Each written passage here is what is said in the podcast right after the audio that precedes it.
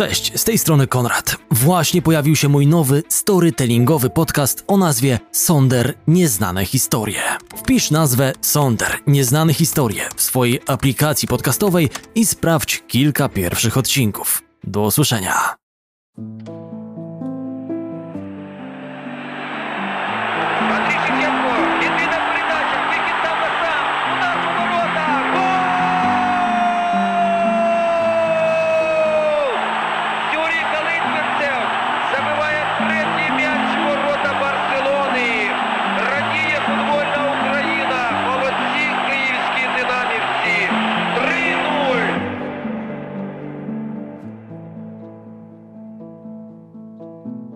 Katalończycy pałali rządzą zemsty, gdy dwa tygodnie wcześniej zebrali srogielanie od ukraińskich gospodarzy Dynama Kijów. Dziś, 5 listopada 1997 roku, mają okazję do rewanżu. Tego późno jesiennego wieczoru podopieczni Luisa Van Hala mają w planach odegrać się na przybyszach ze wschodu w ramach rozgrywek grupowych Ligi Mistrzów. Ich nadzieje szybko jednak gasną. Już po pierwszej połowie meczu Blaugrana znowu dźwiga trzybramkowy bagaż. Socios zebrani na trybunach Camp Nou przecierają oczy ze zdumienia. Dzielni potomkowie kozaków szturmem zdobywają obcą twierdzę. Na ich czele stoi 21-letni ataman, który w tę chłodną, listopadową noc urządza sobie na murawie istne one-man show. Już w dziewiątej minucie gry najwyżej wyskakuje do dośrodkowania z rzutu wolnego i głową zdobywa swojego pierwszego gola w tym spotkaniu. Gdy stadionowy zegar wskazywał 32 minutę, ów młodzieniec miał już na koncie dwa trafienia. Tym razem znowu poszybował wyżej od golkipera gospodarzy, Witora Bailly i skierował futbolówkę do siatki.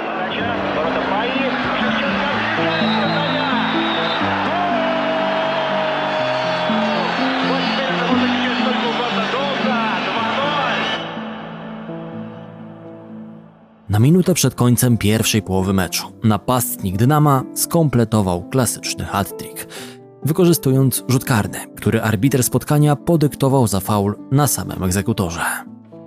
W drugiej połowie gry czwartego gola dla przybyszów ze stolicy Ukrainy dołożył Siergiej Rebrow, ale to nazwisko 21-latka na długo zapadnie w pamięci kibiców Barcelony.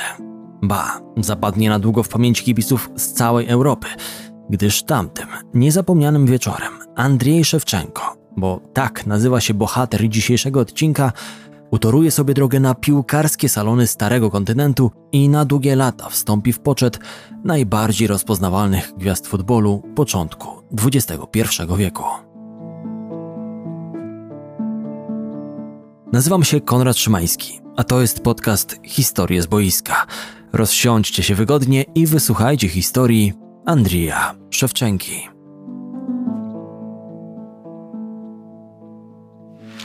Historie z boiska. Ciekawsza strona futbolu.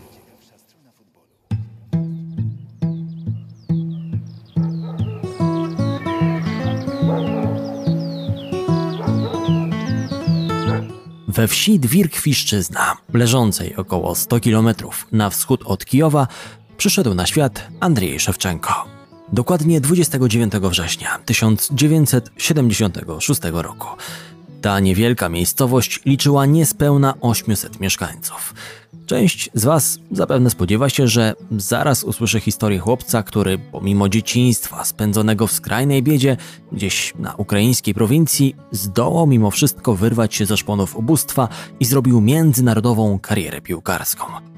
Taka wschodnioeuropejska wersja wychowanków południowoamerykańskich faweli, o których niejednokrotnie mogliście słyszeć chociażby w tym podcaście. Ale nie, to nie ta bajka. Mały Szewa nie mógł narzekać na warunki bytowe. Jego ojciec, pan Mykoła Szewczenko, był wojskowym, co w czasach, gdy Ukraina była jedyną z republik radzieckich, stanowiło jedną z najlepszych możliwych ścieżek zawodowych. Andrzejem i jego o 3 lata starszą siostrą Oweną zajmowała się głównie mama, Lubowa, na co dzień pracująca w przedszkolu. Zatem dzieciństwo przyszłego gwiazdora futbolu było stosunkowo beztroskie.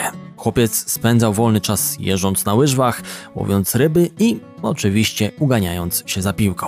Natomiast latem cała rodzina regularnie wyjeżdżała na wczasy nad Morze Czarne. Niewiele jednak zabrakło, a w dokumentach Szewczenki jako miejsce urodzenia widniałby niemiecki Poczdam. To właśnie w tej miejscowości, która przed upadkiem muru berlińskiego znajdowała się po stronie niemieckiej Republiki Demokratycznej, w jednej z radzieckich baz przez kilka lat stacjonował pan Mykoła Szewczenko. Jednakże krótko przed narodzinami Andrzeja jego rodzina wróciła do ojczyzny.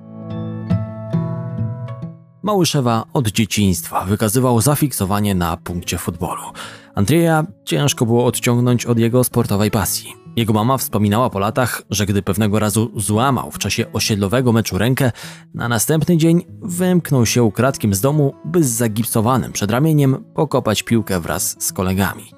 Na szczęście dla Andrzeja, wraz z jego sportowym zapałem, szedł w parze talent. Pewnego razu jego piłkarskie popisy zauważył pan Aleksander Szpakow, który pracował z młodzieżowymi grupami Dynama Kijów. Był to już czas, kiedy Szewczenkowie wyprowadzili się z Dwirkwiszczyzny i zamieszkali w stolicy Ukrainy. Futbolowe zapędy syna były kompletnie nie w smak ojcu Malca, który wymarzył sobie, że ten, podobnie jak on, przywdzieje kiedyś krasnoarmieński mundur i wskoczy w kamasze. Tak się jednak nie stało. Z dwóch powodów. Po pierwsze, wkrótce Związek Radziecki miał zniknąć z mapy świata, a w jego miejsce miała powstać między innymi niepodległa Ukraina. A po drugie, i co najważniejsze, Przewa zdecydowanie lepiej się czuł w korkach, krótkich spodenkach i z piłką przy nodze niż w hełmie, kombinezonie w panterkę i z kałasznikowym na ramieniu. Zresztą totalitarny reżim, militarny styl życia i imperialistyczne zapędy wielkiego czerwonego brata już w dzieciństwie mogły wyjść bokiem przyszłej gwieździe AC Milan. 26 kwietnia 1986 roku, w oddalonym nieco ponad 100 km od Kijowa Czarnobylu, nastąpił wybuch reaktora jądrowego.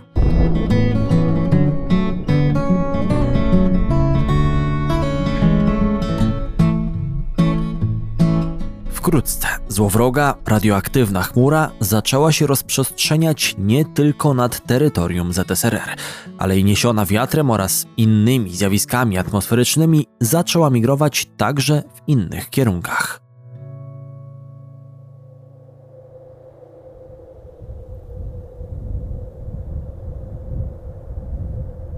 Mieszkaliśmy w Kijowie, 100 km od miejsca eksplozji. Zabójczy, niewidzialny wirus rozprzestrzeniał się po okolicy, niesiony ruchami powietrza.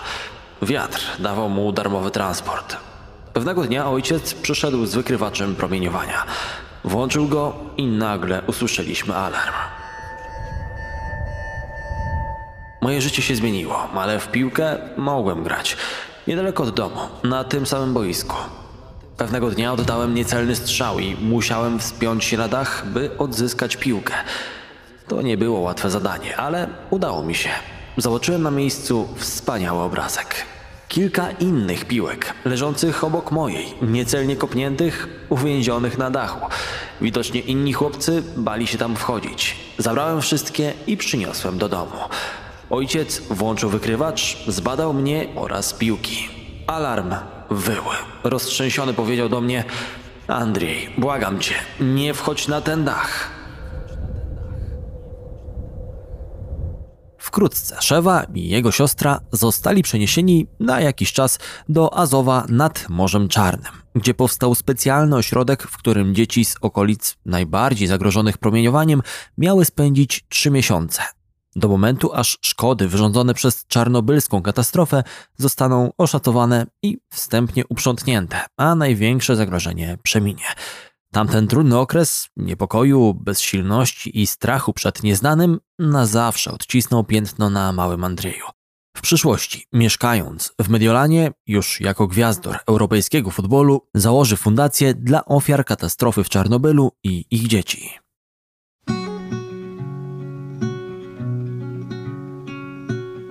Nawet zawirowania związane ze wspomnianą tragedią nie spowodowały, że trener Szpagow zapomniał o piłkarskim diamenciku, wypatrzonym na ulicach Kijowa kilka miesięcy wcześniej. Wkrótce zaczął urabiać ojca chłopca i przekonywać go, że regularne treningi oraz dyscyplina, której jego syn nauczy się w klubie, przydadzą mu się także w kontekście ewentualnej służby wojskowej. Dopiął swego. Niebawem Andrzej dołączył do młodzieżowych zespołów Dynama Kijów. Tam jednak okazało się, że umiejętności, którymi czarował kolegów na podwórku, wcale nie sprawiały wrażenia na chłopcach regularnie trenujących w klubie. Mało tego, małemu Szewczence nie udało się w tamtym czasie zdać egzaminów do szkoły sportowej o profilu piłkarskim, gdyż uznano, że dysponuje kiepskim dryblingiem. Zapewne wówczas trenerzy nie daliby złamanego grosza za to, że oto widzą przed sobą przyszłego triumfatora Ligi Mistrzów i zdobywcę złotej piłki. Andrzej musiał walczyć o swoje, ale wtedy objawiły się w nim cechy, z których z pewnością mógł być dumny jego ojciec, gdyż charakteryzują one tylko prawdziwych wojowników. Wytrwałość, pracowitość i determinacja w dążeniu do celu. Taki pakiet cech wolicjonalnych sprawiał, że Szewa w szybkim tempie nadrabiał zaległości i przerastał umiejętnościami rówieśników obdarzonych większym talentem, ale mniejszą wolą walki i ambicjami niż on sam. Kilka lat później był już młodzieżowym reprezentantem Związku Radzieckiego. Jako czternastolatek natomiast pojechał wraz z juniorskim zespołem Dynama Kijów na turniej do Walii. Tam sięgnął po koronę króla strzelców i otrzymał nagrodę dla najlepszego gracza turnieju, którą wręczył mu patron całego przedsięwzięcia, Ian Rush, wówczas gwiazdor Liverpoolu. Ową nagrodą była para piłkarskich korków, które ostatecznie okazały się za małe na młodego ukraińskiego napastnika. Mimo to trzymałem te buty przez lata. Wszyscy na Ukrainie znali wielkiego Jana Rasza. Próbowałem w nich grać, dopóki moja stopa nie urosła tak bardzo, że miałem wrażenie, że duży palec zaraz wyjdzie na wierzch.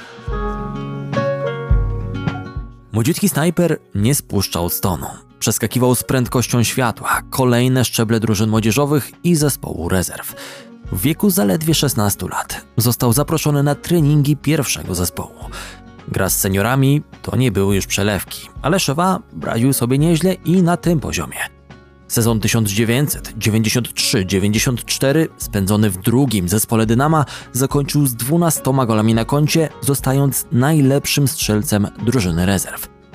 W listopadzie 94 roku trener Józef Sabo dał mu zadebiutować w pierwszej drużynie, najpierw wpuszczając na boisko w meczu Pucharu Ukrainy przeciwko Skali Strii, a trzy dni później dając mu już pograć w spotkaniu ligowym z Szachtarem Donieck. W całym sezonie ligowym 94-95 Szewa zagrał łącznie w 23 meczach i zdobył 3 gole. Wyśmienita forma strzelecka na poziomie seniorskim nadeszła już w kolejnej kampanii. Te Szewczenko zakończył z 19 golami na koncie zgromadzonymi w 38 spotkaniach.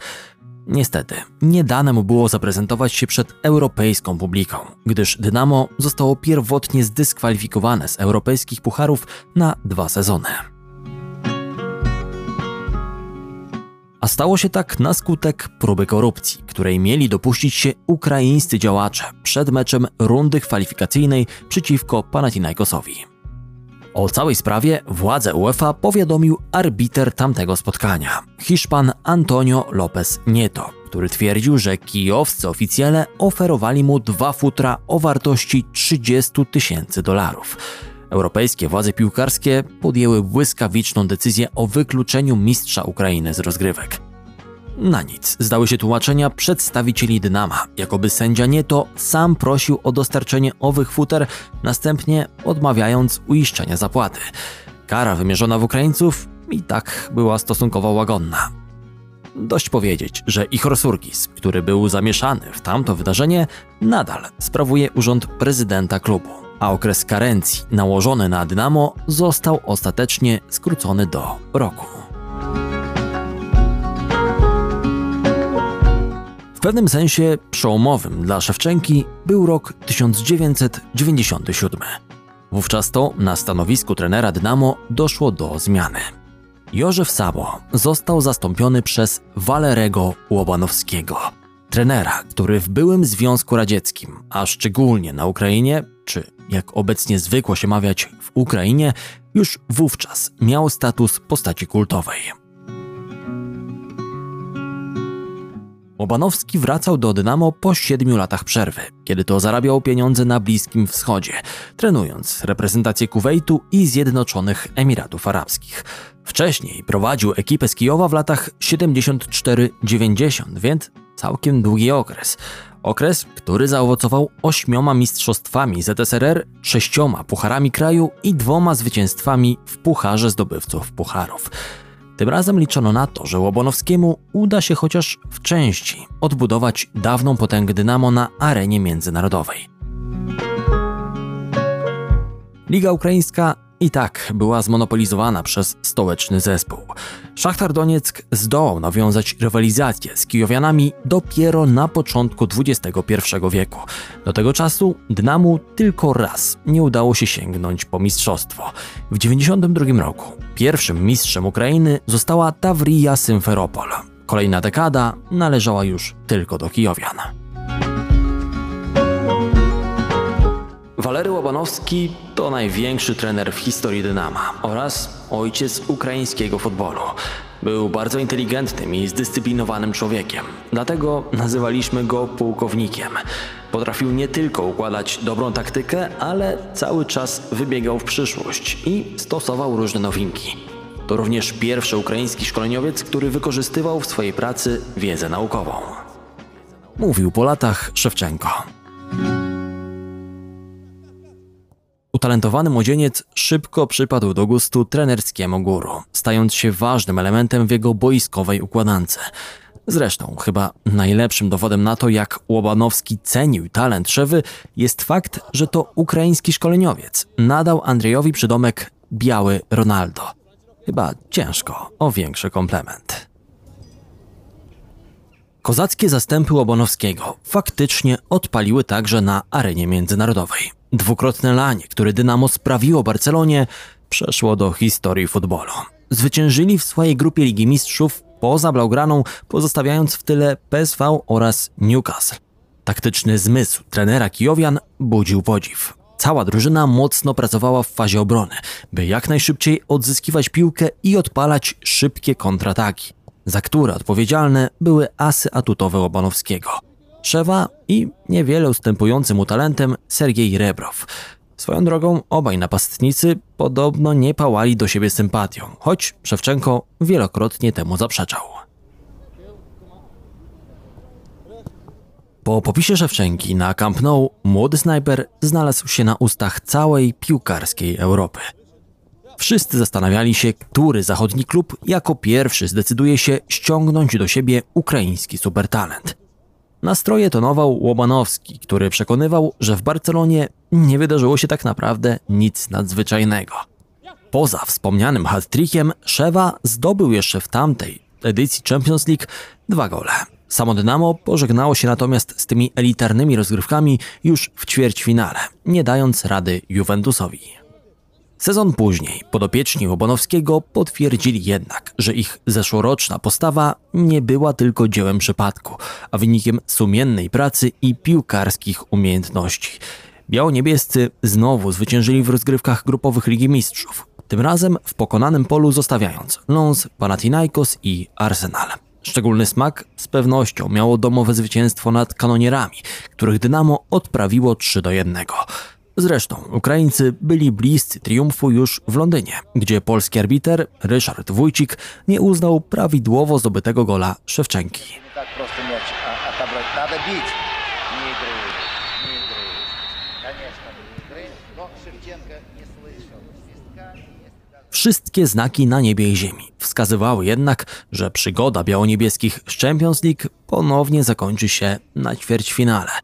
Tam bowiem na podopiecznych Łobanowskiego czekał dwumecz z Realem Madryt.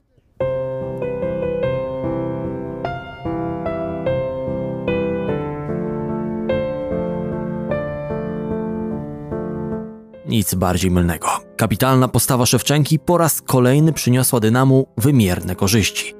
Najpierw jego gol zapewnił mistrzom Ukrainy remis na Santiago Bernabeu, by w rewanżu dublet ustrzelony przez Trzewę ostatecznie pogrążył królewskich. Shevchenko stays with it. The delayed give and go, and Rebrov the flick on the 22-year-old stud who buries it.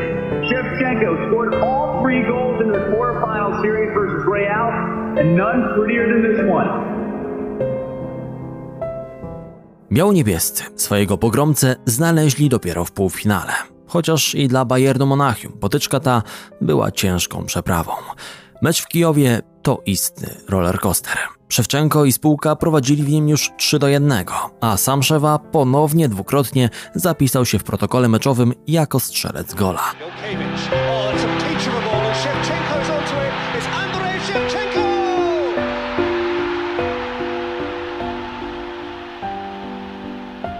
Bawarczycy doprowadzili do remisu dopiero w 90 minucie spotkania za sprawą trafienia Karstena Jankera. W Monachium gola na wagę awansu zdobył Mario Basler. Półfinał Ligi Mistrzów z 1999 roku to do dziś najlepszy wynik Dynamo w tych rozgrywkach. Wówczas jednak wiele osób, z Łobanowskim na czele, nie kryło rozczarowania. Po pierwszym meczu trener Kijowian mówił następująco. Podziękowałem po meczu zawodnikom, bo byli lepsi od Niemców. Odniosłem jednak wrażenie, że moi piłkarze sami nie uwierzyli, że takiej drużynie jak Bayern można strzelić 6 czy nawet 8 goli, a okazji mieli wystarczająco, by osiągnąć taki wynik. Rywale pokazali jednak charakter w końcówce. No i mieli mnóstwo szczęścia. Tamtym sezonem nie mógł być jednak rozczarowany Andrii Szewczenko. Nie dość, że wespół z Dwightem Yorkiem sięgnął po koronę króla strzelców Ligi Mistrzów, to został także najlepszym snajperem Ligi Ukraińskiej. Stało się jasne, że powoli Dynamo robi się dla niego za ciasne. Nie był już tylko wonderkidem ze wschodu, nie stanowił piłkarskiej ciekawostki. Stał się najbardziej pożądanym kąskiem na rynku transferowym. Zresztą trzecie miejsce, które zdobył w plebiscycie na Złotą Piłkę 1999 jasno pokazywało, że już należy go zaliczać do piłkarskiego topu.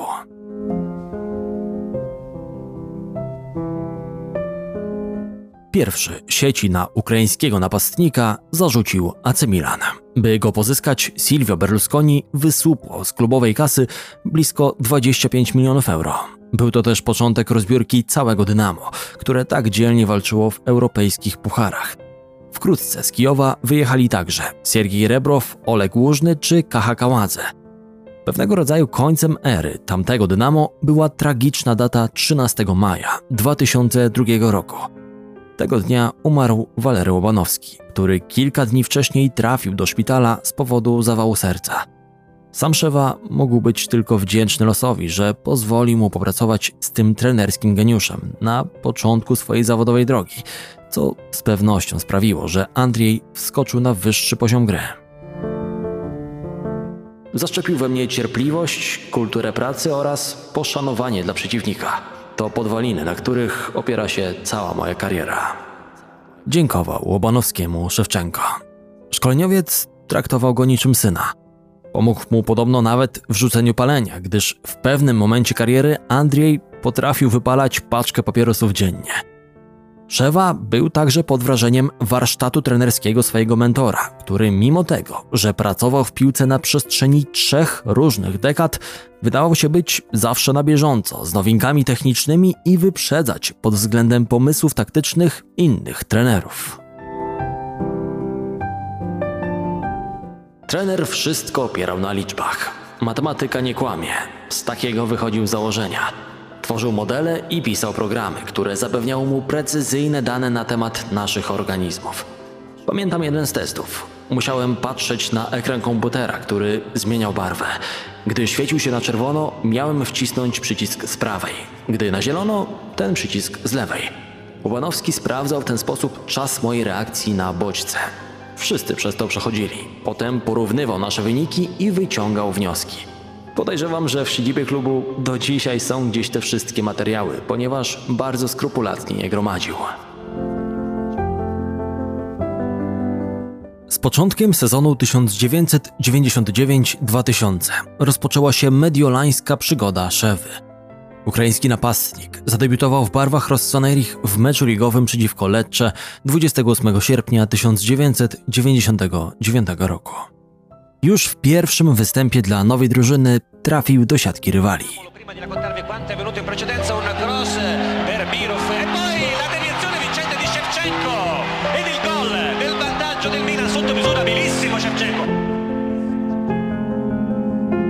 Na plecy Ukraińca trafił wówczas numer 7, który wychowanek Dynama Kijów otrzymał dzięki uprzejmości Ibrahima Ba. Ibrahim Ba powiedział, że jeśli chce, to odstąpi mi swój numer na koszulce. Dwa dni później zadzwonił do mnie mój przyjaciel. Powiedział, wiesz, że w języku hebrajskim numer 7 brzmi Szewa? Otóż nie wiedziałem. Ten przyjaciel stwierdził, że numer, który wybrałem, przyniesie mi szczęście.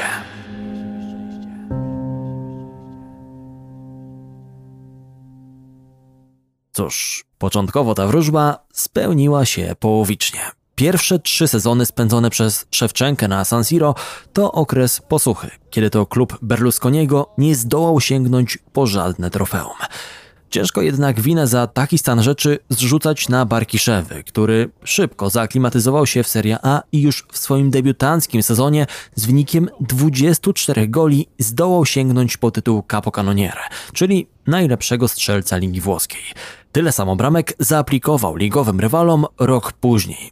Lecz tym razem lepszym dorobkiem od niego mógł pochwalić się Hernan Crespo, grający wówczas w Lazio. W dodatku Rossoneri po słabym sezonie zajęli dopiero szóste miejsce w lidze, tym samym nie zdobywając awansu do Ligi Mistrzów.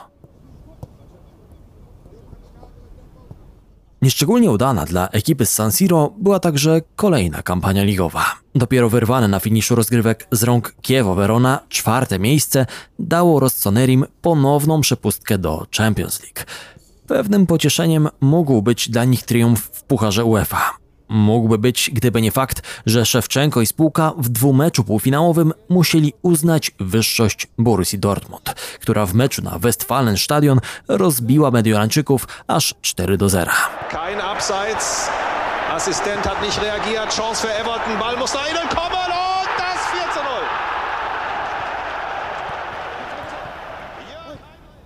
W rewanżu Milan walczył dzielnie. W doliczonym czasie gry zdołał nawet strzelić gola na 3 do 0, ale chwilę później trafienie Larsa Rikena rozwiało wszelkie wątpliwości co do kwestii awansu. Z tonu spuścił również Samszewa, który zakończył sezon z 14 ligowymi golami na koncie. Jeszcze gorsza pod względem zdobyczy bramkowej była dla niego kampania 2002-2003, na co duży wpływ miała dwumiesięczna pauza Andrzeja z powodu kontuzji kolana. Ale ukraiński snajper, jak i cały Milan, absolutnie nie mogli znów spisywać sezonu na straty. Historie z boiska. Ciekawsza strona futbolu. –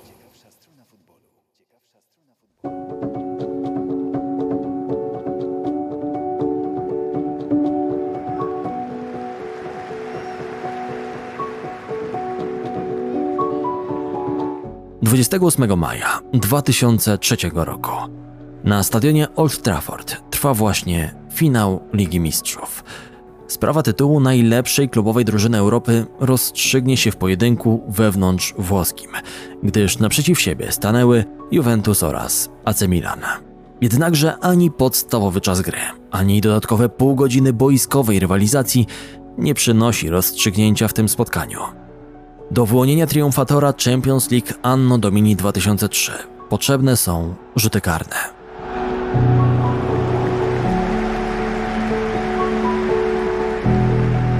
Jednak i w czasie konkursu jedenastek piłka dość niechętnie wpada do siatki. Na siedem pierwszych strzałów zaledwie dwa znajdują drogę do bramki. Wpływ na to ma fenomenalna dyspozycja golkiperów obu drużyn. Dwa uderzenia broni Gigi Buffon. Aż trzy razy skutecznie interweniuje Nelson Dida. Fani zgromadzeni w Teatrze Marzeń oglądają kapitalny spektakl w wykonaniu bramkarzy. Dawid Dida.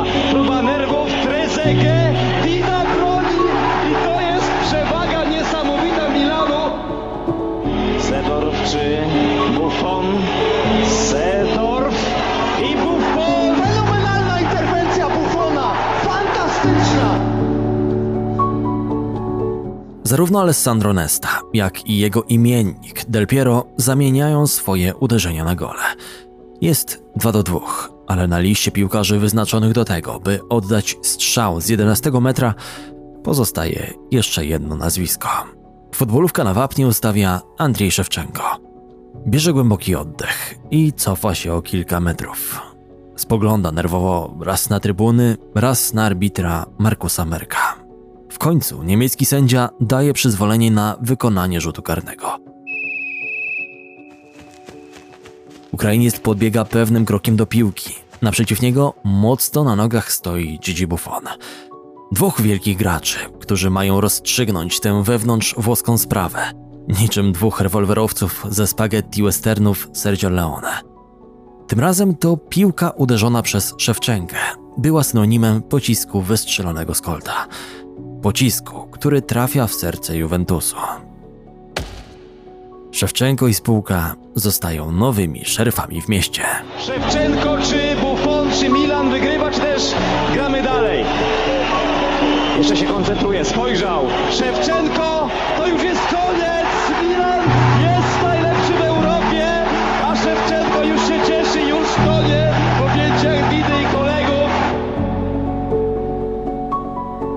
Jakiś czas później Szewczenko zabiera trofeum do Kijowa i odwiedza grób swojego mentora, Walerego Łobanowskiego.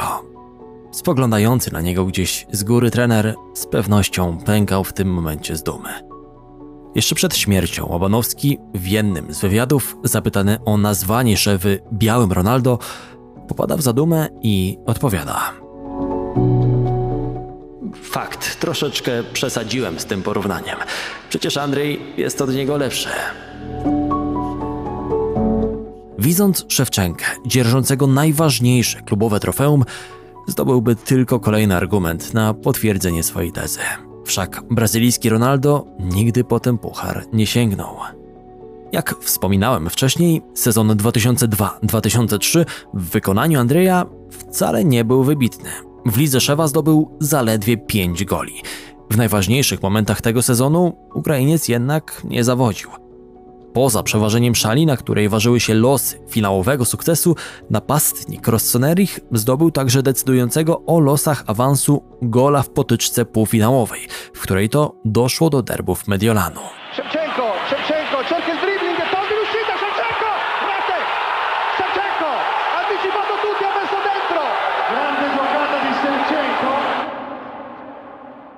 I chociaż to partner Szewczenki z ataku, Pippo Inzaghi, strzelił w tamtej edycji Champions League aż 10 bramek, to nie sposób nie docenić wkładu włożonego przez Andrzeja w tamten triumf.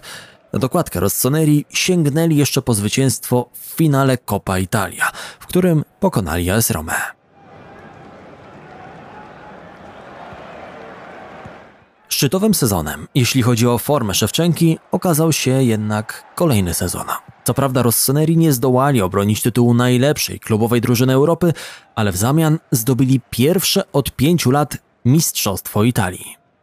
Oczywiście przy wydatnej pomocy swojego ukraińskiego asa, który po raz drugi w karierze sięgnął po tytuł króla strzelców Serie A. Zresztą Szewa utrzymywał równą, wysoką formę przez cały sezon.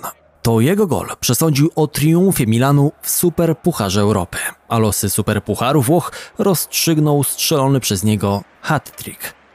Wspaniała dyspozycja wychowanka Dynama Kijów została nagrodzona na koniec 2004 roku, kiedy to Andrzej został uhonorowany złotą piłką France Football. Adesso è ufficiale, Andrei Shevchenko ha la 49esima edizione del Pallone d'Oro. È lui dunque il miglior giocatore del 2004. La giornata speciale dell'attaccante ucraino Co ciekawe, wcale nie był on pierwszym Ukraińcem, któremu przyznano to prestiżowe wyróżnienie. W 1975 roku tego zaszczytu dostąpił Olek Błochin, a 11 lat później Igor Białanow. Szkopuł w tym, że obaj reprezentowali wówczas barwy Związku Radzieckiego. To Szewa pierwszy otrzymał złotą piłkę jako obywatel wolnej Ukrainy. Bardzo mnie cieszy, że otrzymałem tę nagrodę. Chciałbym podziękować wszystkim, którzy mi w tym pomogli, a w szczególności kolegom z Ukrainy. Jestem dumny z bycia Ukraińcem i dedykuję tę nagrodę wszystkim, którzy mi dobrze życzą. Wychowałem się na Ukrainie i widziałem Białanowa oraz Błochina nagradzanych złotą piłką. Oni byli moimi pierwszymi idolami.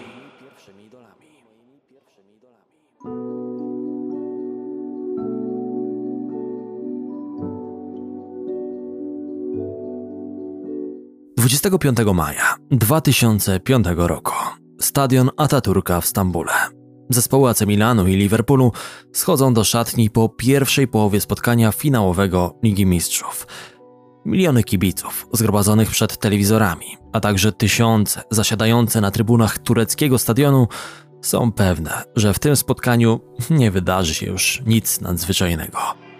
Gol Maldiniego w pierwszej minucie meczu i dwa trafienia Crespo pod koniec połowy zdają się przesądzać losy tej batalii na korzyść ekipy z Włoch. Jednak tamtej nocy futbol postanowił po raz kolejny przypomnieć, że bywa nieprzewidywalny i pełen niespodzianek. 15 minut po gwizdku rozpoczynającym drugą odsłonę finałowego starcia. Na tablicy wyników widniał już remis. Gole Stevena Gerrarda, Wladimira Spicera i Czabiego Alonso sprawiły, że całe show rozpoczęło się jakby od nowa. W podstawowym czasie gry fani nie ujrzeli już więcej trafień. Rossoneri zdawali się być oszołomieni tym, że tak łatwo roztrwonili przewagę, lecz nadal nacierali na bramkę strzeżoną przez Jerzego Dudka. Szczególnie mocno dwoił się i troił bohater dzisiejszego podcastu. Lecz bogowie futbolu tego dnia postanowili sobie zadrwić z ukraińskiego napastnika. Wszystkie jego strzały były odbijane przez Dudka, a gdy już wydawało się, że Szewa znalazł sposób na polskiego golkipera, futbolówkę z linii bramkowej wybił Traore.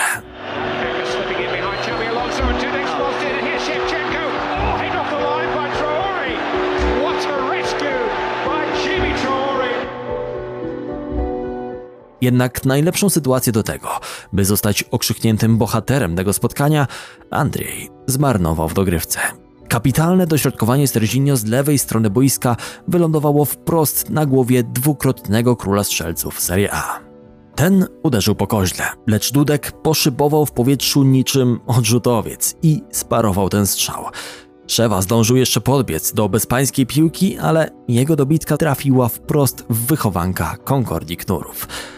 A Smilano mógł się tylko złapać za głowę i rozmyślać o tym, co zrobił nie tak.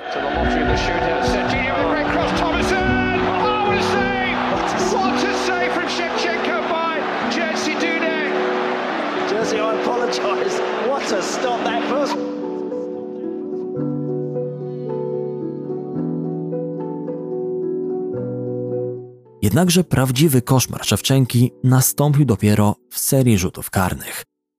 Tak samo jak dwa lata wcześniej miał kończyć strzelanie. Tym razem jednak jego trafienie mogło przedłużyć nadzieję mistrza Włoch, gdyż Milan przegrywał w konkursie jedenastek 2 do 3. Będący pod presją Szewa miał w dodatku przed sobą będącego w gazie Jerzego Dudka, wykonującego w bramce te swoje dziwne pląsy, które przeszły do historii jako Dudek Dance. Ciężko powiedzieć, czy to był właśnie ten czynnik, który przesądził o tym, że Szewczenko uderzył fatalnie. Lekko i w sam środek bramki. Bramkarz Liverpoolu nie miał żadnego problemu, by odbić ten strzał. Szanse Milanu na drugi w ciągu trzech lat triumf w finale Champions League zostały pogrzebane.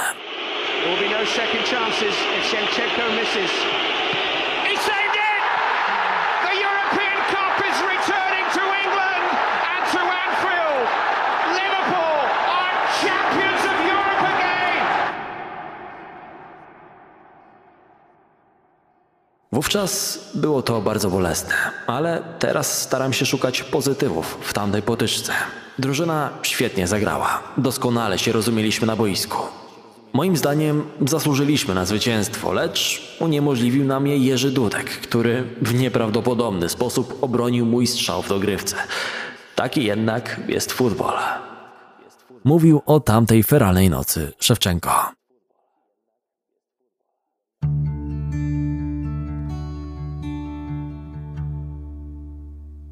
Czas spędzony na San Siro powoli dobiegał końca. Sezon 2005-2006 był ostatnim, w którym Szewczenko występował w barwach klubu z włoskiej stolicy mody. Pożegnał się godnie, strzelając w całym sezonie 28 goli. Do historii przeszedł szczególnie mecz Ligi Mistrzów, w którym Andrzej zaplikował Fenerbahce 4 gole. Niestety, Rossoneri znów zakończyli całą kampanię bez trofeum na koncie. Latem 2006, po siedmiu wspólnie spędzonych latach, mariaż Szewczenki i Milanu dobiegł końca. Na nic zdało się kuszenie przez włodarzy Rossoneri sześcioletnim lukratywnym kontraktem. Na nic zdały się prośby Berlusconiego, prywatnie ojca chrzestnego pierwszego dziecka Szewy i modelki Kristen Bazik. Bardziej przekonujący okazał się być Roman Abramowicz. Szewa przeniósł się do Londynu za sumę niemal 46 milionów euro. Swoją drogą Berlusconi o odejście Andrzeja z Milanu oskarżał wspomnianą wcześniej żonę. Kristen Pazik przyjaźniła się z żoną rosyjskiego oligarchy i podobno to jej głos przeważył szale w czasie negocjacji. Prawda jest taka, że milanista i prawdziwy mężczyzna nie postępuje w taki sposób. W moim domu to ja decyduję, co się dzieje, podczas gdy żona Szewczenki zachowuje się jak taki piesek salonowy. To ona namówiła go na przeprowadzkę do Londynu. Grzmiał kontrowersyjny boss AC Milanu. Cóż, z perspektywy przeciętnego kibica zmiana Mediolanu na deszczowy Londyn zdaje się być mocno średnim dealem. Ale jaki piłkarz nie marzy o tym, by zagrać w Premier League? Problem w tym, że intensywna, fizyczna liga angielska weryfikowała negatywnie wielu świetnych graczy. Niestety, przykład Szewczenki jest jednym z tych najjaskrawszych. Ze sportowego punktu widzenia przenosiny Szewy z San Siro na Stamford Bridge okazały się kompletną klapą. Co prawda zdobył gola dla The Blues już w swoim debiutanckim meczu w finale tarczy wspólnoty przeciwko Liverpoolowi, ale potem było już tylko gorzej. Cały sezon 2006-2007 zakończył z wynikiem 4 goli w 30 meczach Premier League. Rok później poprawił ten wynik o jedno trafienie. Rola Ukraińca w zespole z czasem zaczęła być marginalizowana, a gdy stery w Chelsea objął Luis Felipe Scolari, uznano, że Andrzej jest w klubie kompletnie zbędny. 77 gier i 22 gole we wszystkich rozgrywkach. Na takiej liczbie zatrzymał się licznik Szewy na Stamford, nim londyńscy włodarze postanowili wypożyczyć go do AC Milano.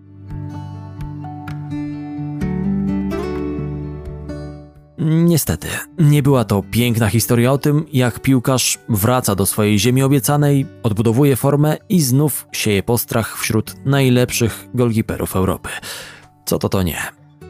W czasie wypożyczenia do Mediolanu Andrzej spisywał się równie miernie co w Londynie. Na boiskach Serie A pojawił się 18-krotnie i nie zdobył żadnego gola.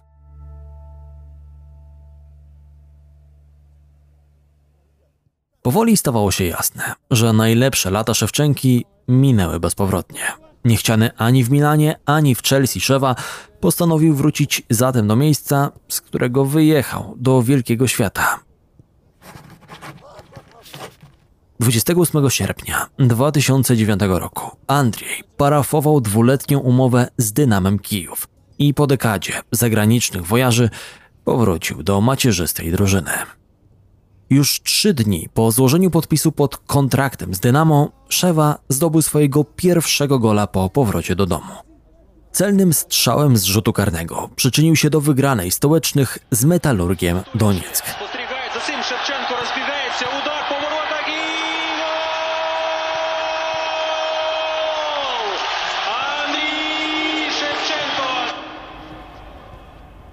Co ciekawe, rosyjski trener Walery Gazajew ustawiał Szewczenkę w swojej drużynie najczęściej na lewym skrzydle.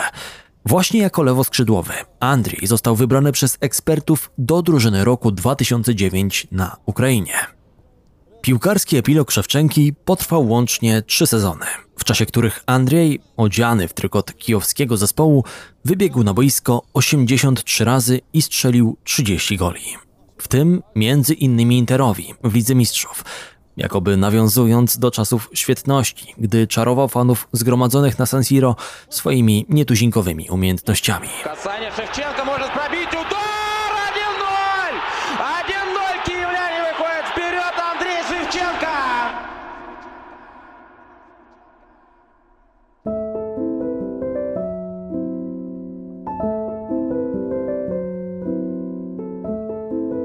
Wielkim uwieńczeniem kariery ukraińskiego napastnika miały być finały Mistrzostw Europy, które rozgrywane były w Polsce oraz oczywiście w ojczyźnie bohatera dzisiejszego podcastu. Andrzej zakładał trykot reprezentacyjny nieprzerwanie od 1995 roku. Długo walczył o to, by pokolenie Dynama Obanowskiego z nim, Rebrowem czy Szowkowskim w składzie wywalczyło w końcu awans na wielką imprezę. Ukraińcy aż trzykrotnie przegrywali promocje na turnieje mistrzowskie dopiero w fazie barażu. Na mundial w 1998 roku nie pozwolili im pojechać Chorwaci. Na Euro 2000 nie zakwalifikowali się przegrywając sensacyjnie dwumecz ze Słowenią. Do Korei i Japonii drogę zamknęli im natomiast Niemcy. Nasi wschodni sąsiedzi dopięli swego dopiero w 2006 roku. Na światowym czempionacie w Niemczech Szewa i spółka dobrnęli aż do ćwierćfinału, w którym wyraźnie lepsi okazali się późniejsi mistrzowie globu Włosi. Andrzej wrócił do domu jako strzelec dwóch goli na tamtym turnieju.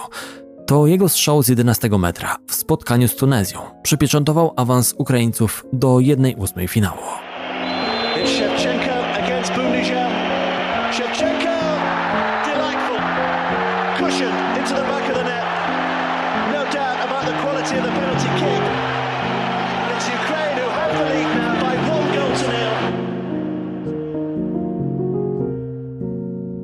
Na kolejną wielką imprezę Szewa i spółka musieli poczekać 6 lat.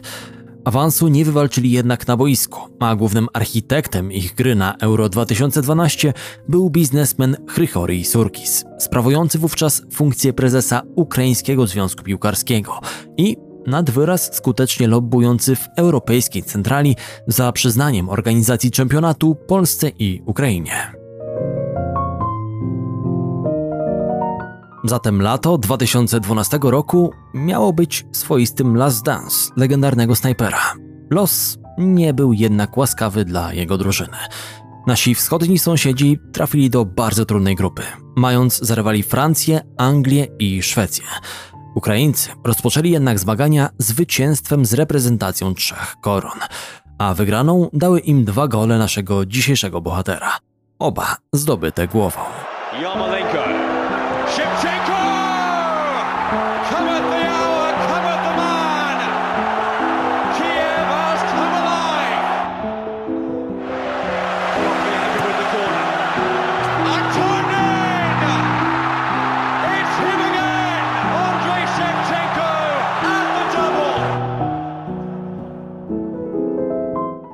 To też w pewnym sensie pojedynek, w którym Szewa, była legenda AC Milanu, pokazała swoją wyższość nad ówczesną gwiazdą Rossonerich, Zlatanem Ibrahimowiciem, który zdobył dla Szwedów gola honorowego. To był też w zasadzie ostatni z wielu wieczorów, kiedy Szewczenko został bohaterem meczu i trafił na nagłówki wszystkich największych piłkarskich portali i gazet, rozpływających się nad jego futbolowym kunsztem. Powrót do przeszłości i pożegnanie z fanami. Zwłaszcza, że Ukraińcy, mimo dzielnej postawy, przegrali dwa pozostałe mecze turnieju i pożegnali się z Euro 2012 już po fazie grupowej. To był mój ostatni mecz w kadrze. Krótko zakomunikował Szewa po meczu z Anglikami. Licznik Super Snajpera zatrzymał się na 111 występach i 48 golach zdobytych w drużynie narodowej. Oczywiście do dziś pozostaje najlepszym strzelcem reprezentacji Ukrainy w jej historii, a pod względem występów ustępuje jedynie Anatolijowi Tymoszczykowi. Przewa postanowił nie wracać już także do piłki klubowej. Wkrótce zadecydował, że kolejnym etapem jego życia będzie, podobnie jak w przypadku innego słynnego ukraińskiego sportowca, boksera Witalija Kliczko, kariera polityczna. Była gwiazda Milanu, już w czasie bycia czynnym piłkarzem dawała znaki, że lubi angażować się w życie polityczne swojej ojczyzny. Jednakże ta aktywność nie zawsze wychodziła Szewczence na dobre. Przed wyborami prezydenckimi w 2004 roku, będący wówczas u szczytu sławy zawodnik poparł publicznie prorosyjskiego kandydata Wiktora Janukowycza. Janukowycz wygrał wówczas tamte wybory, ale ich wyniki wzbudziły spore wątpliwości opinii publicznej, która zarzucała obozowi władzy fałszerstwo. Cała sytuacja doprowadziła wówczas do masowych protestów obywateli Ukrainy, które przeszły do historii jako pomarańczowa rewolucja.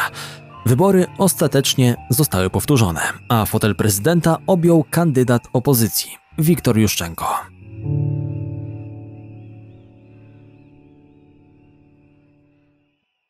Głos poparcia Szewczenki dla prokremlowskiego Janukowycza został jednak Gwiazdorowi zapamiętany przez wielu rodaków. Gdy jakiś czas później AC Milan zmierzył się w Lidze Mistrzów z Szachtarem, fani z Doniecka wywiesili transparent o treści Twój wybór sprawił, że naród zapłakał z rozpaczy. To bzdury. Polityka to jedno wielkie bagno i chcę trzymać się jak najdalej od niego. Jestem sportowcem i reprezentuję swój kraj. Kiedy otrzymuję powołanie do reprezentacji, nigdy nie odmawiam gry. Robię to wszystko dlatego, że mam takie pragnienie, a nie z powodu, że ktoś mnie do tego zmusza. Tłumaczył się wtedy Szewa. Cyniczny, świadomy wybór, czy po prostu błąd wykorzystanego przez cwanych polityków, sportowca. Chyba trudno pomawiać Andrija o cyniczne podejście do świata, zwłaszcza w świetle ostatnich wydarzeń. Pomoc osobom pokrzywdzonym z powodu katastrofy w Czarnobylu, organizacja meczów charytatywnych, zbieranie funduszy na remont kijowskich szkół i szpitali, czy angażowanie się w pomoc fundacji podającej rękę osieroconym dzieciom. W wyniku ostatnich działań wojennych w Ukrainie przyjął pod swój dach osoby uciekające z ojczyzny. Wielokrotnie brał udział w akcjach dobroczynnych i przez lata kariery wykreował raczej obraz piłkarskiego dżentelmena niż bohatera bulwarowych nagłówków. Cóż, być może gdyby Szewczenko na dobre zaangażował się w politykę, rys w jego życiorysie pojawiłoby się więcej. Jak już wspominałem, były as Milanu miał także plany zaraz po zakończeniu kariery. Został wówczas członkiem partii Ukraina Naprzód i wystartował z jej list w wyborach parlamentarnych. Szkopuł w tym, że ugrupowanie Szewczenki zdobyło nieco ponad 1,5% głosów i nie zdołało zasiąść w sejmowych ławach. Historie z boiska. Ciekawsza strona futbolu.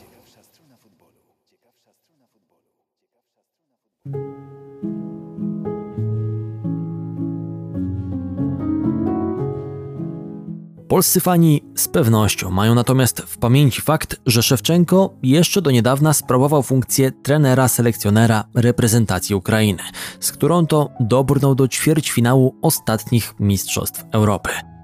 Ukraińskie władze piłkarskie robiły podchody pod zatrudnienie Szewy na tym stanowisku właściwie od momentu, kiedy ten tylko odwiesił buty na kołek. Pierwsze plotki na ten temat pojawiły się już w 2012 roku, ale wówczas Szewa planował jeszcze zostać politykiem. Następnie mówiło się o takiej możliwości za każdym razem, gdy tylko kadra prowadzona przez trenera Fomenkę zaliczała dołek formy. Szewa wielokrotnie jednak podkreślał, że zanim podejmie się tak ważnej funkcji, chciałby nabrać doświadczenia. Taka okazja nadarzyła się w lutym 2016 roku, kiedy to wspomniany Fomenko dokooptował Andrija do sztabu szkoleniowego Ukraińców. Zbieranie nauk nie potrwało jednak długo, gdyż Fomenko pożegnał się ze swoją posadą po nieudanym dla naszych wschodnich sąsiadów Euro 2016. Wówczas nie było już odwrotu. Tłum domagał się swojego gwiazdora, a presja opinii publicznej rosła. Szewa zgodził się być nowym selekcjonerem. Właściwie zerowe doświadczenie Andrzeja na tak ważnym stanowisku mogło stanowić nie lada problem. Za szewą przemawiało jednak ogromne doświadczenie zebrane na boisku. Dzięki wypracowanym przez lata gry znajomościom, Szewczenko mógł sobie pozwolić, by otoczyć się sztabem szkoleniowym, który no, nadrabiał braki głównego bossa całego przedsięwzięcia. Mauro Tassotti, Pedro Reguero czy Andrea Maldera wnieśli do ekipy umiejętności nabyte dzięki latom pracy w Serie A czy La Liga. Mimo to eliminacje do mundialu w Rosji zakończyły się fiaskiem. Ukraina zajęła dopiero trzecie miejsce w swojej grupie, oglądając w tabeli plecy Islandii i Chorwacji. Za to kampania kwalifikacyjna do Euro 2020 była już sukcesem niepokonanej ekipy Szewczenki, której wyższość musieli uznać m.in. Portugalczycy i Serbowie. Ukraińcy pod wodzą legendarnego napastnika potrafili, no mówiąc wprost, czarować swoją grą. W pewnym momencie wypracowali pasce 12 spotkań bez porażki, chociaż potem wpadli w poważny dołek i od września 2020 do czerwca 2021 zwyciężyli zaledwie raz. Jednak sam turniej Euro 2020, jak pewnie wszyscy dobrze pamiętacie, nasi wschodni sąsiedzi mogli zapisać na plus, dochodząc aż do ćwierćfinału rozgrywek.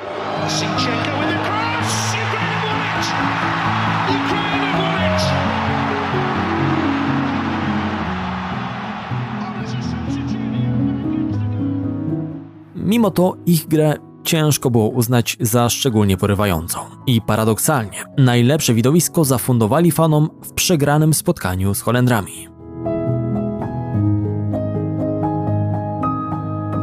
Dzisiaj dobiega końca mój kontrakt z Ukraińskim Związkiem Piłki Nożnej. Spędziłem 5 lat w kadrze narodowej. To była ciężka praca, która pokazała, że potrafimy grać nowoczesny futbol. Jestem wdzięczny prezesowi i komitetowi wykonawczemu związku za możliwość współpracy z reprezentacją. Dziękuję zawodnikom i każdej osobie, która mi pomogła oraz była zaangażowana w ten zespół. Wielkie podziękowania należą się też fanom za wsparcie oraz krytykę. Razem udało nam się pokazać, że nasza piłka nożna może być konkurencyjna, produktywna i ekscytująca. Taką wiadomość 1 sierpnia 2021 roku umieścił na swoim profilu facebookowym Andrzej Szewczenko, kończąc tym samym rozdział pod nazwą Szeba Selekcjoner. Rozdział umiarkowanie udany, który w przyszłości może zaowocować ofertami pracy solidnych europejskich klubów lub reprezentacji, choć jedną z nich przyjął jednak pobyt w Genoi zakończony bilansem 11 meczów, w tym 7 porażek i zaledwie jednego zwycięstwa, trudno uznać za udane.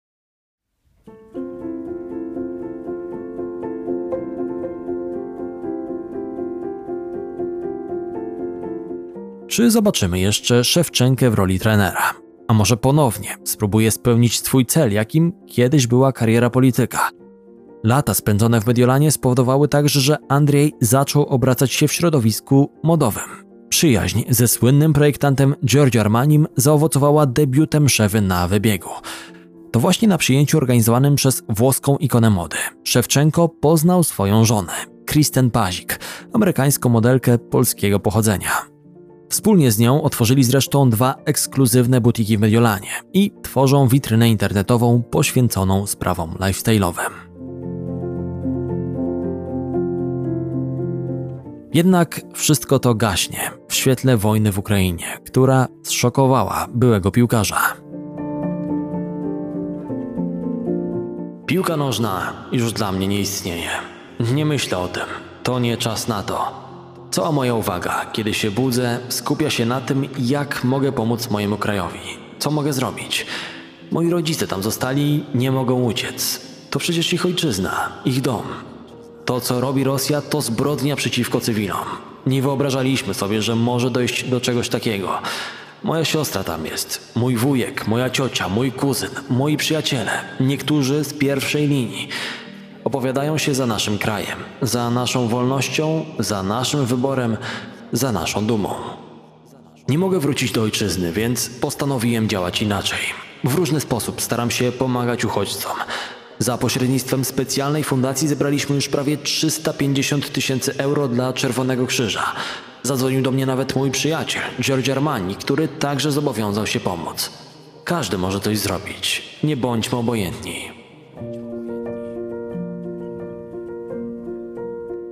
Kilka tygodni temu AC Milan wypuścił replikę koszulki z nazwiskiem Szewczenki, bezpośrednio nawiązującą do zwycięskiego finału Ligi Mistrzów z 2003 roku. Dochód w całości został przekazany na pomoc Ukrainie.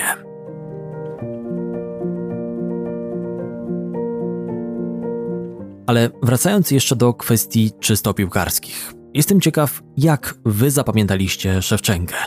Jeśli jesteście fanami Milanu, to zapewne jako jednego ze swoich bożyszczy. Jeśli jednak kibicujecie Chelsea, to pewnie zapadł wam w pamięci jako jeden z największych niewypałów transferowych ery Romana Abramowicza. Mistrzostwa Włoch, Puchar Ligi Mistrzów czy Złota Piłka 2004 to trofea, o których marzy każdy piłkarz, chociaż zdarzali się zawodnicy ze szczelniej wypełnionymi gablotami niż Szewa. Nie zmienia to jednak faktu, że na początku XXI wieku traktowaliśmy go jako, no, jednego z najlepszych snajperów na świecie. 322 mecze zagrane w trykocie Rossonerich zaowocowały 175 strzelonymi golami. Ten wynik daje Szewczence drugie miejsce w klasyfikacji najlepszych strzelców wszechczasów Milanu. Zaraz za plecami legendarnego szwedzkiego napastnika z lat 50. Gunnara Nordala. Dość powiedzieć, że Ukrainiec zostawił pod tym względem z tyłu takie tuzy jak Van Basten, Gianni Riviera czy Filippo Inzaghi. Sądzę, że ta klasyfikacja jasno obrazuje z piłkarzem jakiego formatu mieliśmy w tym przypadku do czynienia. Tradycyjnie dajcie znać w komentarzu na YouTubie, jak wy zapamiętaliście Szewczenkę. Tymczasem to wszystko na dziś. Konrad Szymański, kłaniam się nisko. Do usłyszenia niebawem.